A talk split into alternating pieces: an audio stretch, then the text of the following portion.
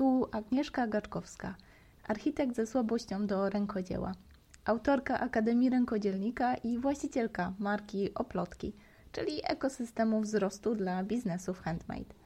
W tym podcaście znajdziesz wywiady z twórcami, informacje o różnych technikach rękodzieła i rozmowy z przedsiębiorcami inspirującymi biznesy handmade. A od czasu do czasu plotki z zaplecza, czyli sukcesy i wpadki zespołu o plotki. Zapraszam Cię do słuchania tych twórczych rozmów przy rękodziele i dzielenia się Twoimi refleksjami na ich temat pod agnieszka Dziś będzie całkiem praktycznie. Bardzo często spotykam się z rękodzielnikami, którzy chcą dołączyć do naszego zespołu e, prowadzącego warsztaty rękodzieła, lub też e, sama jako uczestnik warsztatów, zwłaszcza w 2019, e, biorę udział w takich warsztatach i przyglądam się, jak takie warsztaty rękodzieła wyglądają. W tym roku w końcu się zebrałam i postanowiłam zebrać kilka przemyśleń na ten temat rzeczy, które wydawały mi się bardzo oczywiste, a jednak dla wielu osób oczywiste nie są. Dlatego bez zbędnego gadania przechodzę do konkretu i podzielę się z Tobą kilkoma złotymi radami e, na to, jak prowadzić takie warsztaty rękodzieła albo zacząć. Jeżeli jesteś po drugiej stronie i zastanawiasz się nad tym, czy jest to dobry sposób na prowadzenie działalności w związku z rękodziełem, to jak najbardziej e, ta audycja czy ten odcinek jest dla Ciebie.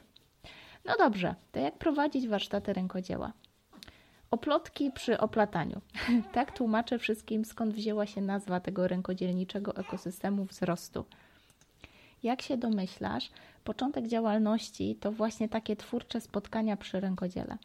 Jako, że już od dłuższego czasu niezmienna formuła takich spotkań po prostu się sprawdza, postanowiłam podzielić się tym patentem na, no powiedzmy, udany warsztat. No to kilka fundamentów. Wydawać by się mogło, że przeprowadzenie spotkania, którego celem jest przekazanie wiedzy z zakresu np. nauki podstawowych splotów szydełkowych czy wykonania ceramicznego kubka, to rzecz oczywista, ale im dłużej zaczynamy się nad tym zastanawiać i im bardziej fachowo chcemy podejść do tematu, tym więcej pytań pojawia się po drodze. Dlatego ułożyłam wszystko, co przychodzi mi do głowy na temat e, prowadzenia warsztatów rękodzieła w takie tematyczne bloki. No to do dzieła. E, aha, jeszcze jedna rzecz warta wspomnienia. Te moje doświadczenia zbudowałam na podstawie no, kilku już lat prowadzenia warsztatów z zakresu podstaw szydełkowania. Dlatego, jeżeli tworzysz w innej technice, warto przefiltrować te informacje i spoglądać na nie pod kątem specyfiki danej dziedziny rękodzieła. To taki disclaimer. Ok, no to cel. Po pierwsze, cel zanim ruszysz na podbój social mediów, tak, by promować swój warsztat i zaprosisz na niego pierwszych uczestników, warto zastanowić się, co jest celem takiego spotkania. Czy przy, przychodzą te osoby y, na takie miłe spędzenie wspólnego czasu wolnego, bo na przykład pracujesz na etacie i szukasz rozrywki, y, nie wiem, jakiegoś poszerzenia grona znajomych albo po prostu miłej odmiany od pracy – czy może celem Twoich warsztatów jest po prostu zbudowanie stabilnego dochodu z Twojej działalności rękodzielniczej?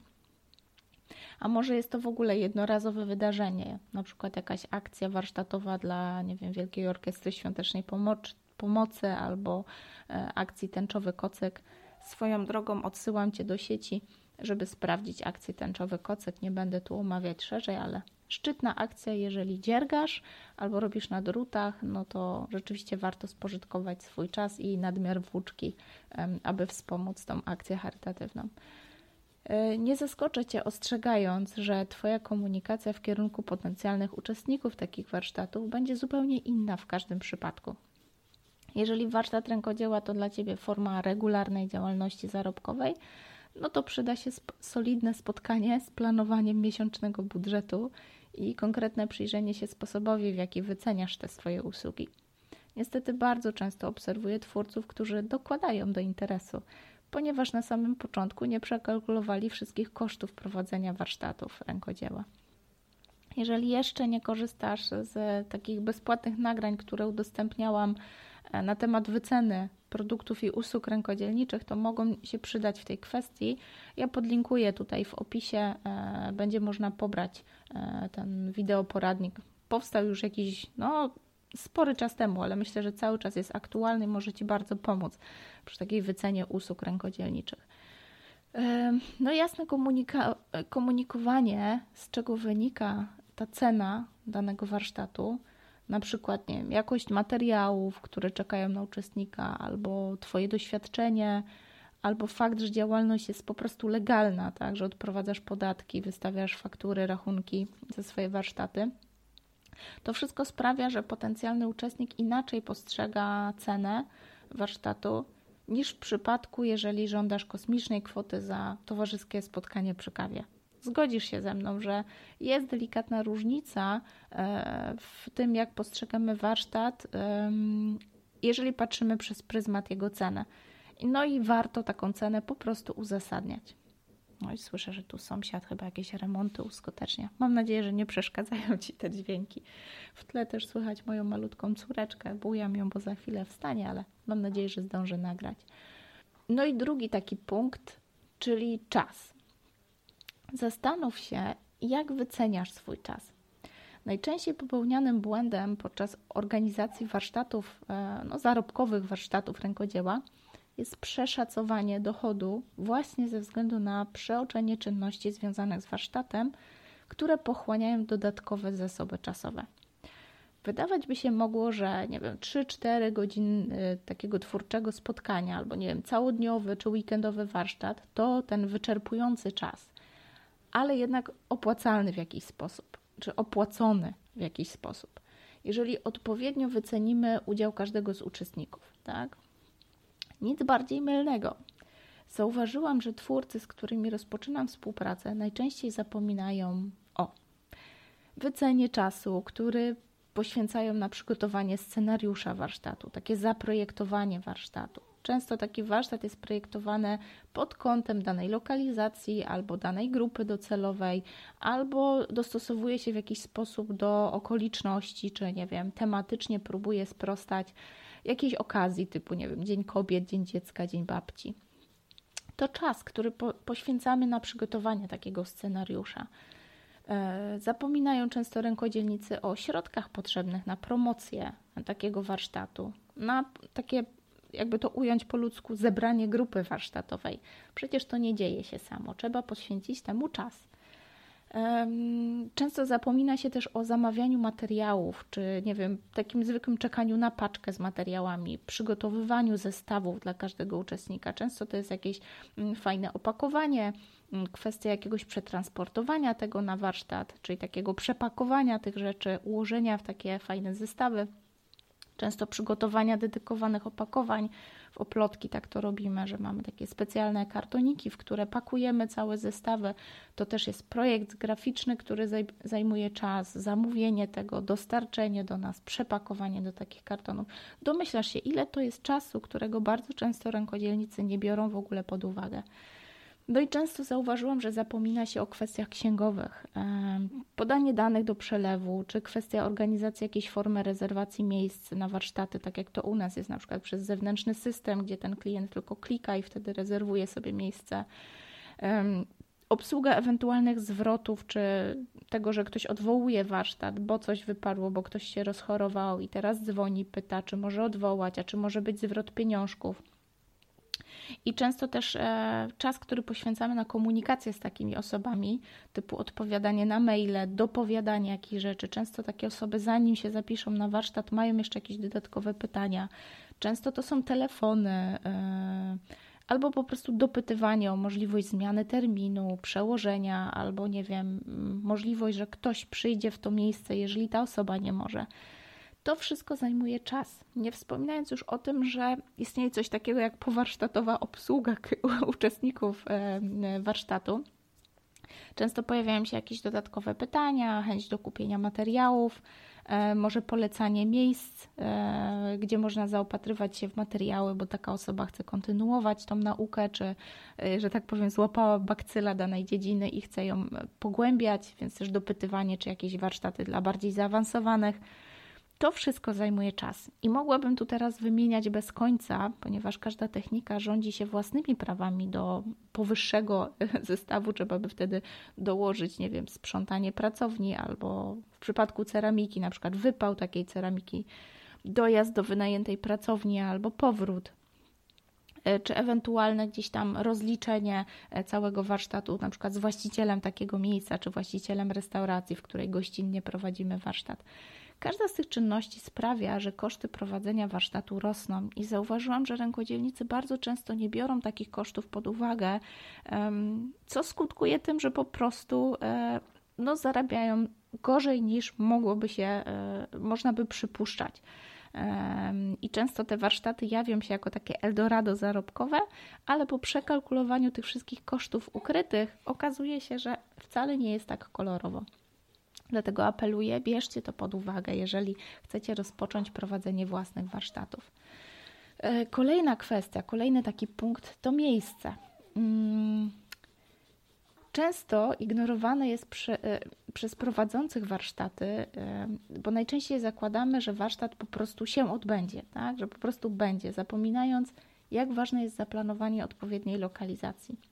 Sama przyznam, że warsztaty szydełkowania pod tym względem są mocno uprzywilejowane, bo często wybieram po prostu jakąś fajną kafejkę w okolicy, najczęściej też wskazywaną przez fanki, albo po prostu pytam wprost podczas różnego rodzaju warsztatów, czy to swoich, czy w momencie, kiedy jestem gościnnie, jakie restauracje polecają e, różne osoby, tak, i wtedy po prostu wychodzę z inicjatywą piszę do takiego właściciela, że chciałabym przeprowadzić warsztat i bardzo często takie warsztaty właśnie odbywają się w kafejkach, knajpkach, mm, ale e, są techniki rękodzieła, które choćby ze względu na przepisy sanitarne nie mają racji bytu w miejscach, gdzie podaje się jedzenie. Tak? Choćby, nie wiem, biżuteria miedziana, czyli taki warsztat, podczas którego używa się odczynników chemicznych, na których, wiecie, obecność w restauracji czy kafejce właściciel nie może sobie pozwolić, choćby ze względu na e, przepisy czy po prostu kontrolę sanepidu. I w takim przypadku organizator warsztatu jest w nieco gorszej sytuacji czy trudniejszej sytuacji i musi jednak kalkulować koszt wynajęcia sali warsztatowej albo, nie wiem, biura coworkingowego, albo może pomyśleć o jakiejś formie barteru czy gościnnej wizycie w zaprzyjaźnionej pracowni rękodzieła ale warto pamiętać, że brak własnej pracowni wcale nie sprawia, że prowadzenie warsztatów jest niemożliwe. Pokusiłabym się nawet o stwierdzenie, że taka wymuszona mobilność może pozwolić na solidne zbadanie rynku, zanim podejmie się decyzja o kosztownej inwestycji w lokal. Tak? Często rękodzielnicy wzbraniają się przez warsztatami, bo nie mają własnej pracowni, Mo, może warto się zastanowić, czy takie zbadanie rynku pod kątem lokalizacji własnej pracowni, czy w ogóle tego, jak ona powinna wyglądać, co powinno w niej być, czy nie wiem, powinna być wyposażona w jakieś zaplecze sanitarne, czy jednak nie, e, może bardzo, bardzo dużo e, pomóc w takiej decyzji zanim się zainwestuje duże pieniądze w lokal, można tak naprawdę na żywym organizmie testować, czy takie warsztaty w ogóle e, będą przynosiły dochód, przynosiły frajdę, e, czy po prostu e, warto w takim kierunku rozwijać jako twórca. No i kolejny punkt, wydawać by się było, mogło, że taki bardzo podstawowy, więc aż dziwne, że nie, nie powiedziałam o nim na początku, ale materiały, tak? E, to jest taki oczywisty aspekt, który wpływa na sposób prowadzenia, a co za tym idzie, promowania warsztatów i bardzo mocno też wpływa na cenę takiego warsztatu. Warto na samym początku określić, czy uczestnicy przychodzą z własnymi materiałami, czy jako organizator to ty je dla nich zapewniasz. Wbrew pozorom, nie jest to takie oczywiste w dobie konkurencji ceną, niestety, e, i takiego smutnego bardzo wyścigu do dna, e, wielu organizatorów warsztatów, e, wielu rękodzielników sztucznie zaniża cenę warsztatu, każąc później uczestnikom dokupować takie materiały niezbędne do skorzystania z samego warsztatu. Czyli wyobraźcie sobie, że rezerwujecie miejsce, cieszycie się, że udało Wam się zapisać na, nie wiem, warsztat makramy w super niskiej cenie, a później niespodzianka na miejscu, musicie dokupić materiał, żeby w ogóle wziąć udział w warsztacie. No, z takim zachowaniem też się spotkałam. Niestety psuje to rynek, niestety nie jest to fajne, jest to jakaś taka strategia bardzo krótkoterminowa, krótkowzroczna, ale dzieje się to, a jednak wielu klientów e, bierze pod uwagę tylko cenę. Nie czyta dokładnie opisów, nie sprawdza, co się będzie na warsztacie działo, patrzy tylko, ile taki warsztat kosztuje i bach, rezerwuje. No i o ile praktyka, jak się domyślasz, prowadzi taka praktyka donikąd, tak, niestety ciągle jest stosowana, e, zwłaszcza przez osoby początkujące, które w akcie swoistej desperacji zebrania grupy uczestników uciekają się do takiej w ich opinii jedynego argumentu, czyli ceny warsztatu. Jeżeli myślisz o stabilnym dochodzie płynącym z warsztatów rękodzieła i takim rozwijaniu swojej marki, swojej działalności, no to cię nie zaskoczę wieścią, że taka strategia nie ma sensu, e, ale warto jednak zadbać, aby jasno komunikować, jakie materiały zostaną na takim warsztacie zapewnione, e, które będzie można na przykład dokupić na zapas, co jest w zestawie warsztatowym, a czego nie ma. Jeżeli ktoś będzie zainteresowany, chętnie dokupi sobie e, materiałów, ale jeżeli to będzie tak w pewien sposób wymuszone, to efekt może być odwrotny. Warto jasno określić, czy jakiekolwiek materiały mogą podlegać modyfikacji lub czy uczestnik ma prawo wyboru. W moim przypadku to najczęściej kolor włóczki i zazwyczaj nie komunikuję możliwości wymiany koloru, czy zapewniam po prostu dwa, trzy kolory do wyboru, które wybiera już się bezpośrednio na warsztacie ale wiem, że często e, klienci dopytują, czy osoby, które zapisują się na warsztat, dopytują, czy będzie możliwość w danym kolorze pracować. Jeżeli jest taka możliwość, to ja zapewniam. Jeżeli nie, to też jasno komunikuję, że nie jestem w stanie kupować sznurków z całej bardzo rozbudowanej palety bawełnianych yy, sznurów, które stosujemy na warsztacie. Najczęściej uczestnicy to rozumieją. Ja też zapewniam taki, taką paletę podstawowych kolorów beż, szary yy, i biały. I najczęściej uczestnicy któryś z tych kolorów jednak pasuje im do wnętrz, więc używamy właśnie takich. Ale warto o to zadbać, warto to przemyśleć, warto się zastanowić, czy to komunikujemy i w jaki sposób.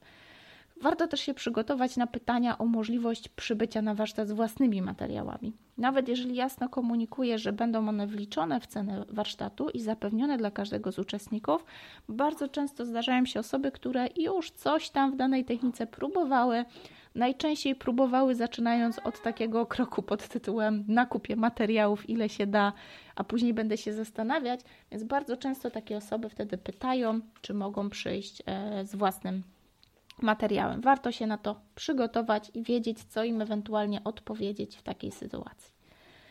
No i finanse. Ostatni punkt, czyli o kosztach. Raz jeszcze o kosztach.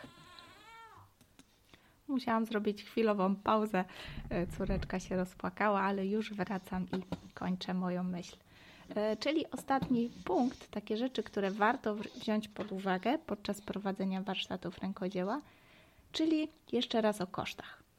Po tym, jak określisz cel warsztatów i odpowiesz sobie na pytanie, czy to forma dorobienia do etatu, czy może jednak plan na stałe zarobki i rozwój w zakresie danej techniki, nie zdawaj się na przeczucia warto solidnie zbadać rynek i sprawdzić, czy przypadkiem Twój warsztat nie jest oferowany przez innych twórców.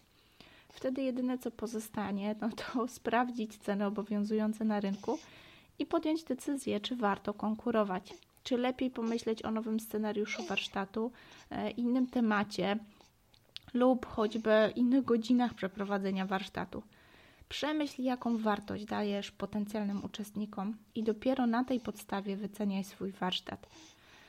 Ale to nie koniec. Polecam przekalkulowanie wszystkich kosztów. O wielu pisałam e, w poprzednich punktach, czy mówiłam w tych poprzednich punktach. Myślę, pisałam, bo cały czas sobie myślę, że muszę spisać ten e, podcast w jakiejś takiej formie, którą e, będziesz mogła czy mógł sobie pobrać no tak zakładam, że z takiego mówienia ciężko się połapać, ale przydałaby się jakaś lista. Dobry pomysł, na pewno to zrobię, także odeślę Cię na pewno do, jakiejś, do jakiegoś pliku PDF albo artykułu na blogu. Um, także polecam Ci przekalkulowanie wszystkich kosztów. E, o wiele mówiłam, tak, e, ale warto to sobie zapisać w takim bezlitosnym pliku Excelowym I taki arkusz kalkulacyjny pozwoli po prostu przeliczyć te wszystkie koszty, czas realne, minimum zarobkowe. To ułatwi przełożenie takich wytycznych na ilość i cenę warsztatów oraz na taką liczbę minimum uczestników, e, które, która jakby jest potrzebna, żeby taki warsztat w ogóle był opłacalny. Czyli po ludzku będziesz wiedzieć, czy dla dwóch czy trzech uczestników warto w ogóle warsztat organizować, czy nie lepiej jest jednak warsztat e, po prostu odwołać. Ale to jeszcze nie wszystko. Pamiętaj, że powyższe podstawy to zaledwie szkielet takiego warsztatowego know-how. I to nie chodzi o to, że ja po prostu najczęściej pomagam w projektowaniu takich warsztatów e, no, w takich najdrobniejszych szczegółach podczas konsultacji indywidualnych, które są u mnie płatną usługą. Ale chodzi o jeszcze jeden ważny punkt, który z pewnością jesteś w stanie przepracować też samodzielnie. Na warsztat rękodzieła przyciągasz nie tylko techniką, nie tylko tematem, nie tylko materiałem najwyższej jakości, nie tylko faktem, że na przykład makrama jest teraz szalenie modna i bardzo wiele osób po prostu szuka takich warsztatów, bo chce się tej techniki nauczyć. Na warsztat przyciągasz po prostu sobą. Twoja autorska metoda, Twoja osobowość, fakt, że czujesz, że pracujesz e, jakby na takim poziomie oczekiwań finansowych, które są dla Ciebie satysfakcjonujące, w ogóle fakt, że taki warsztat daje Ci frajdę, że lubisz spotkania z ludźmi właśnie w takim formacie, to wszystko sprawia, że uczestnicy chcą wracać. Polecają Cię dalej, chwalą się takim warsztatem w social mediach, trzaskają fotki na Instagrama, oznaczają Cię i tak dalej, i tak. Pomyśl o tym, zwłaszcza podczas wyceny warsztatu. Pamiętaj, że na rok, dwa od warsztatu uczestnicy zapamiętają tylko emocje, wrażenia, fakt, czy im się podobało, czy nie, a raczej nie będą pamiętać, jaka była dokładna cena warsztatu. Dlatego zadbaj o to, żeby ta cena była adekwatna do wartości tego doświadczenia. A wróżę Ci powodzenie w, prowadzeniu warsztatów rękodzielniczych. Jeżeli czujesz, że warto dodać coś jeszcze, że jakieś informacje powinny, powinny być dodane do tego odcinka albo do ewentualnego takiego pliku tekstowego, który będzie kompilacją tej wiedzy, może zrobię to w jakiejś formie do pobrania. Przemyślę to jeszcze. Myślę, że na pewno zrobię z tego jakiś wpis e, na naszym blogu, żeby warto, łatwo było wrócić po prostu do tego tekstu. W każdym razie, jeżeli myślisz, że jakaś informacja powinna być tutaj dodana, śmiało do mnie pisz pod znany adres agnieszkamałpa.oplotki.pl ja mam nadzieję, że z odwagą podejdziesz do prowadzenia warsztatów i podzielisz się Twoją rękodzielniczą wiedzą ze światem, a jeżeli jesteś osobą, która po prostu chciałaby skorzystać z takich warsztatów, to też będziesz spoglądać na to, jak one wyglądają, ile kosztują, w jaki sposób są prowadzone z innej perspektywy.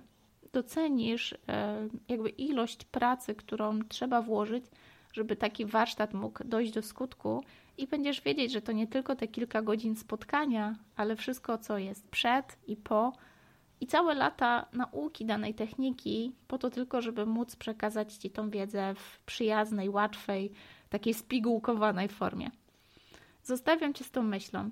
Jeżeli chcesz skorzystać z naszych warsztatów, to zapraszam Cię na stronę oplotki.pl. Tam w dziale warsztaty na pewno znajdziesz coś dla siebie.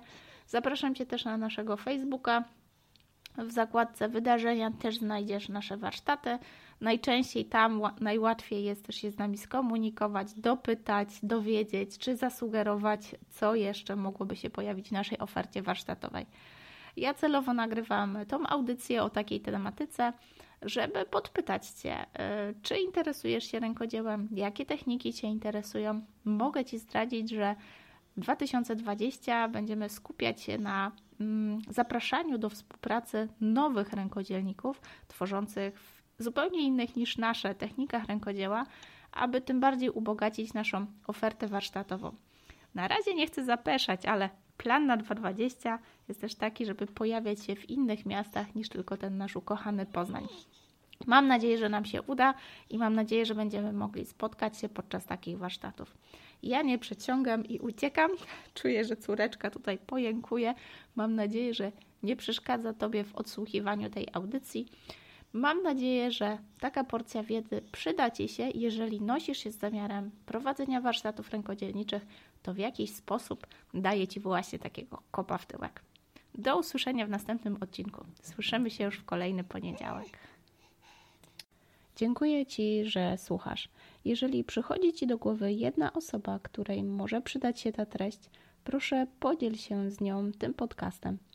Polecenie, dobra recenzja, subskrypcja nie kosztuje ani grosza, a dla mnie jest najcenniejszą motywacją, aby nagrywać dalej. Jeżeli chcesz się ze mną skontaktować, pisz pod agnieszkamałpa.oplotki.pl